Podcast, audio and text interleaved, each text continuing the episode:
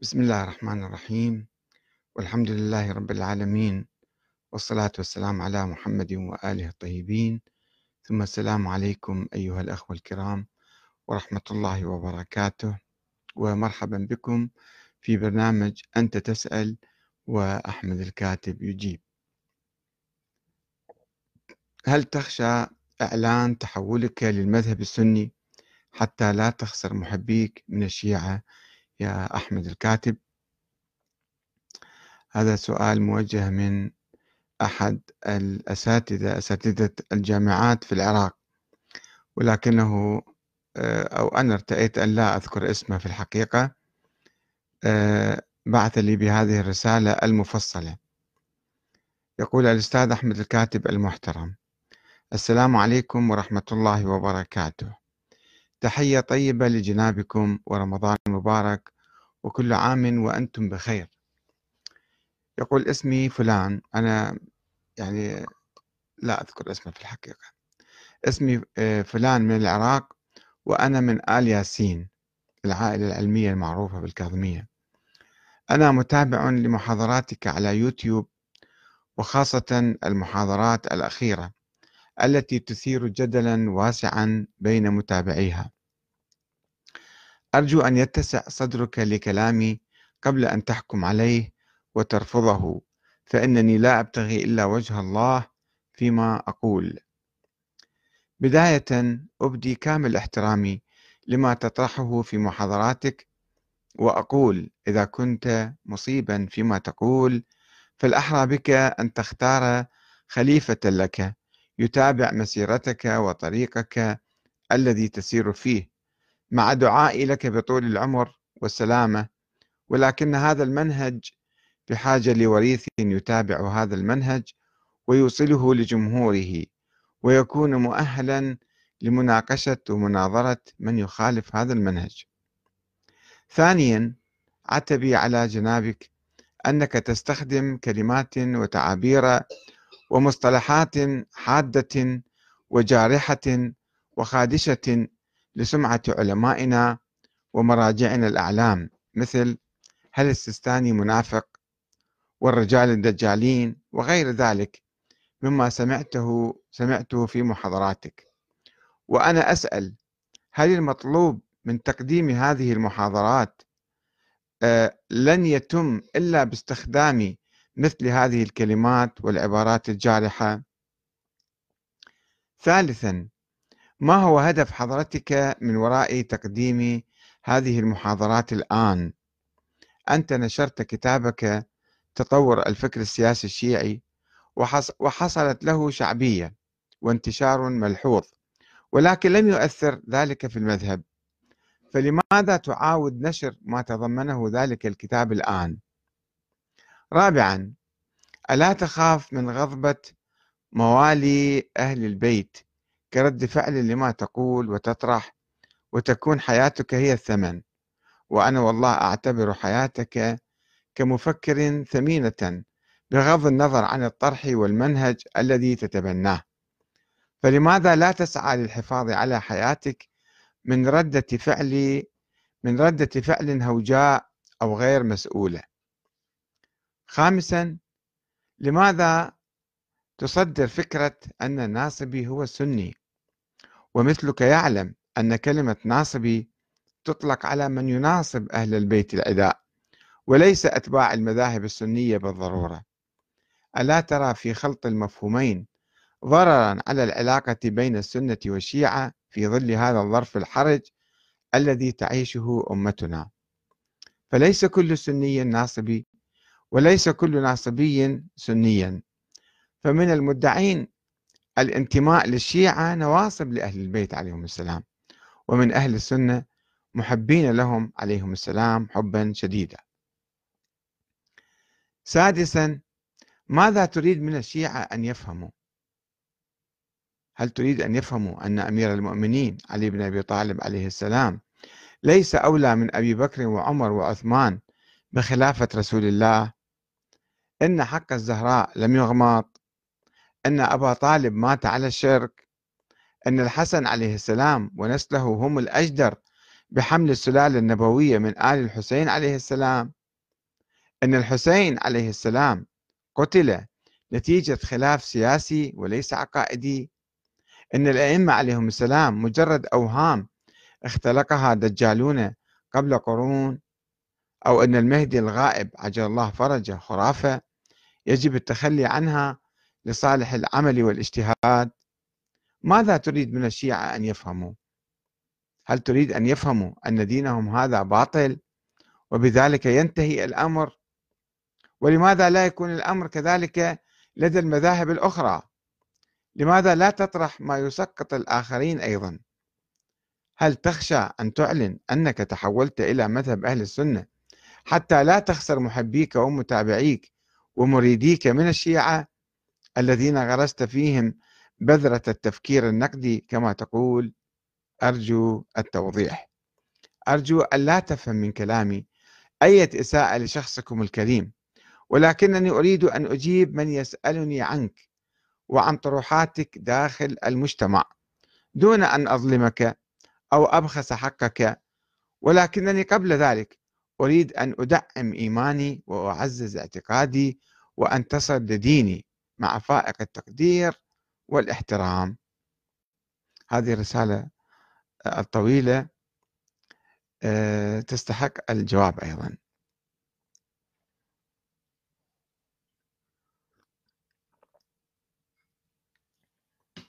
وقد أجبته بما يلي. السلام عليكم ورحمة الله وبركاته. بالنسبة للتعابير الخادشة أنا لم أقل أن السيستاني منافق والعياذ بالله. بل بالعكس قلت أعوذ بالله من هذا التهمة ولا يجوز لأحد أن يقول ذلك. ولكن هذا مطروح للتناقض الموجود بين آه، بعض أقواله وأفعاله وفتاواه. وأنا تساءلت ماذا يعني هذا التناقض؟ ولم أقل أن أن السيستاني منافق. وأما بالنسبة لمن يطلق عليهم السفراء الأربعة فماذا تريد مني أن أصفهم بغير الدجل؟ وقد دمروا الشيعة ألف عام وهمشوهم وفعلوا ما فعلوا بهم. هل أقول أنهم أولياء صالحون وهم كانوا يعلمون أنهم كاذبون؟ وكانوا يكذبون على الناس بادعاء وجود شخص لم يره أحد وهم أيضا لا يروه ولا ليست لهم أي اتصال بذلك الشخص الموهوم المفترض المدعى. السؤال آه، لماذا تعاود نشر ما تضمنه ذلك الكتاب الآن؟ الجواب عليه. هل ينبغي أن أتوقف بعد الكتاب أم يجب أن أنشر الفكرة وأنزلها في الواقع؟ سؤال غريب هذا يعني أن واحد طرح فكرة في كتاب وخلص يروح ينام بالبيت بعدين أم يحاول أن يترجمها إلى الواقع. بالنسبة للخطر على حياتي أجيبه بما يلي. لقد طلبت لقد طلبت من الله تعالى عندما كنت صغيرا أن يعطيني أربعين عاما من العمر وكان بالنسبة لي هذا الشيء يعني كثير بالحقيقة. وها هو قد تفضل علي وأنعم علي بخمس وعشرين سنة إضافية. صار عمري تجاوز الخمسة وستين. أي أنني أعيش الآن كما يقولون أوفر تايم وأترقب الموت في كل لحظة. علما بأني أعتقد أن الله تعالى هو الحافظ. ولا يصيبني مكروه إلا بعد إذنه. ولا يصيبني خير إلا بعد إذنه. كما يقول تعالى في كتابه الكريم وإن يمسسك الله بضر فلا كاشف له إلا هو. وأن يردك بخير فلا راد لفضله. يصيب به من يشاء من عباده وهو الغفور الرحيم. هذا بالنسبة لذلك أنا بالحقيقة أبدا لا أخشى ولا أفكر بالموت والق... يعني بالقتل أو أقول ما لدي بيني وبين الله تعالى. من أراد أن يسمع فيسمع ومن لم يسمع فهو حر.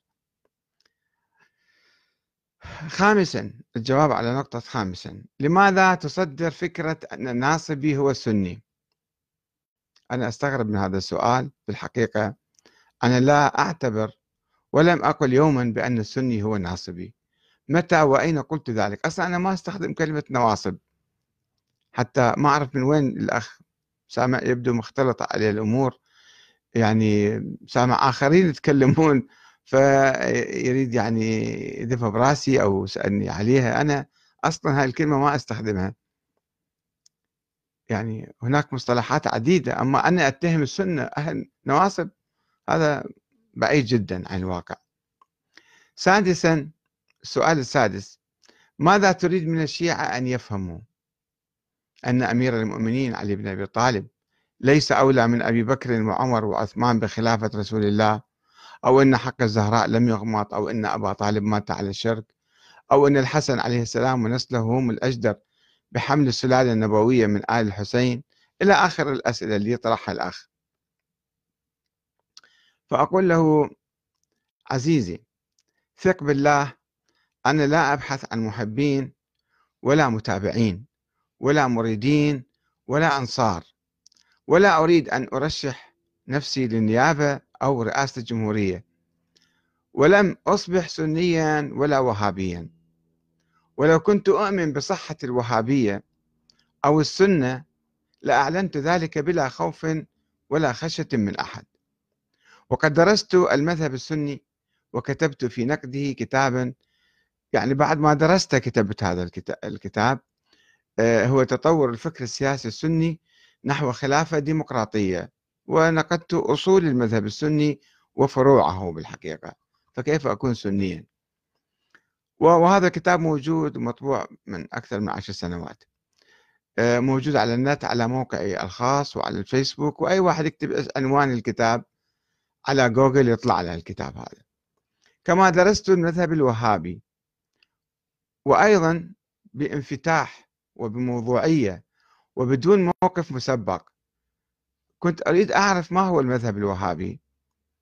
ولو كنت أقتنع بالمذهب الوهابي لكنت أعلن نفسي وهابيا. لا أستحي من أحد ولا أخاف من أحد ولا أطمع بأحد إنما أبحث عن الحق. وكتبت كتابا خلاصة دراستي يعني تحت عنوان جذور الاستبداد في الفكر السياسي الوهابي. وهو أيضا مطبوع عدة طبعات في لندن وبيروت والقاهرة. مدبولي طبع الكتاب أيضا وموجود على النت فمنذ أكثر من 15 عاما يعني هذا الكتاب مطبوع. فأيضا أنا لا أؤمن بالوهابية وأعتقد أن أزمة الفكر السياسي الوهابي هي التكفير تكفير المسلمين وأن الوهابية أصبحت أداة بيد السلاطين لقمع الشعوب وتخديرها والسيطرة عليها واستغلالها. وأنا لا أعتبر أن دين الشيعة باطلا لأن دينهم الإسلام ولا شيء غير الإسلام. توجد بعض الأخطاء بعض الأشياء الدخيلة بعض الانحرافات أحاول أن أنتقد هذه الأمور. لا أقول أن الشيعة دينهم باطل كما يفعل بعض السلفيين أو بعض الوهابيين الذين يكفرون الناس. ومن بينهم الشيعة آه لا الشيعة خلاص كفار مشركون وكذا وريحون أنفسهم. أنا أرفض ذلك. ولا أقول ذلك. وأما نقدي فيتركز على الفكر السياسي القائم على بعض النظريات والفرضيات المثالية والوهمية أو ما يسمى بنظرية الإمامة نظرية الإمامة الإلهية القائمة على الأسماء والنص والسلالة وما شابه. وأعتقد بعد دراستي لهذه النظرية قبل ثلاثين عاما أعتقد أنها نظرية بشرية من اختلاق بعض المتكلمين والغلاة ولا علاقة لأهل البيت بها. إضافة إلى أن هذه النظرية نظرية الإمامة ميتة ومنقرضة ولا وجود لها اليوم في الواقع. وقد تخلى عنها الشيعة بصورة عامة وتبنوا نقيضها أي نظرية الشورى أو الديمقراطية أو ولاية الفقيه كل هذه النظريات نظريات تناقض نظرية الإمامة مئة بالمئة. لأنها لا تشترط ولا تقوم على أن الإمام الآن أو رئيس الجمهورية أو المرجع أو الولي الفقيه هو مثلا معصوم أو معين من قبل الله أو من سلالة معينة. هذه هي أهم أعمدة الفكر الإمامي والشيعة لا يلتزمون بهذه الأعمدة ولا بهذا الفكر الآن. ولست معنيا كثيرا أن أنتقد أشخاصا في التاريخ أو أدعو لهم. أقول مثلا أبو طالب مات على الشرك أو مات على الإيمان. هذه مسألة شخصية. لست معنية ليست جزء من الدين ولا من التشيع. فقضية ملتبسة مثلا أو غامضة وأنا مش مش لا تهمني هذه القضية. وعموما لا أنتقد أشخاصا في التاريخ أو أدعو لهم إلا بقدر ما أستفيد منهم في حياتي الدينية والسياسية اليوم وحياة المجتمع كالثورة على الظالمين ومحاربة الطغاة والدعوة للحق والعدل كما ضرب أئمة أهل البيت أمثلة رائعة في هذا المجال. لذلك أنا أدعو إلى الاقتداء بأهل البيت والسير على خطاهم ويعني تقمص روحهم الاستفادة من أفكارهم من سيرتهم من من هالنماذج الطيبة الطاهرة. ولذلك لم أقل أن أبا طالب مات على الشرك متى قلت ذلك؟ أصلا ما باحث الموضوع أنا ولا أقول ذلك أبدا. لم أقل أنه مات على الشرك أو الإيمان. فهذا لا يهمني كثيرا وليس الإيمان به جزءا من الإسلام أو التشيع.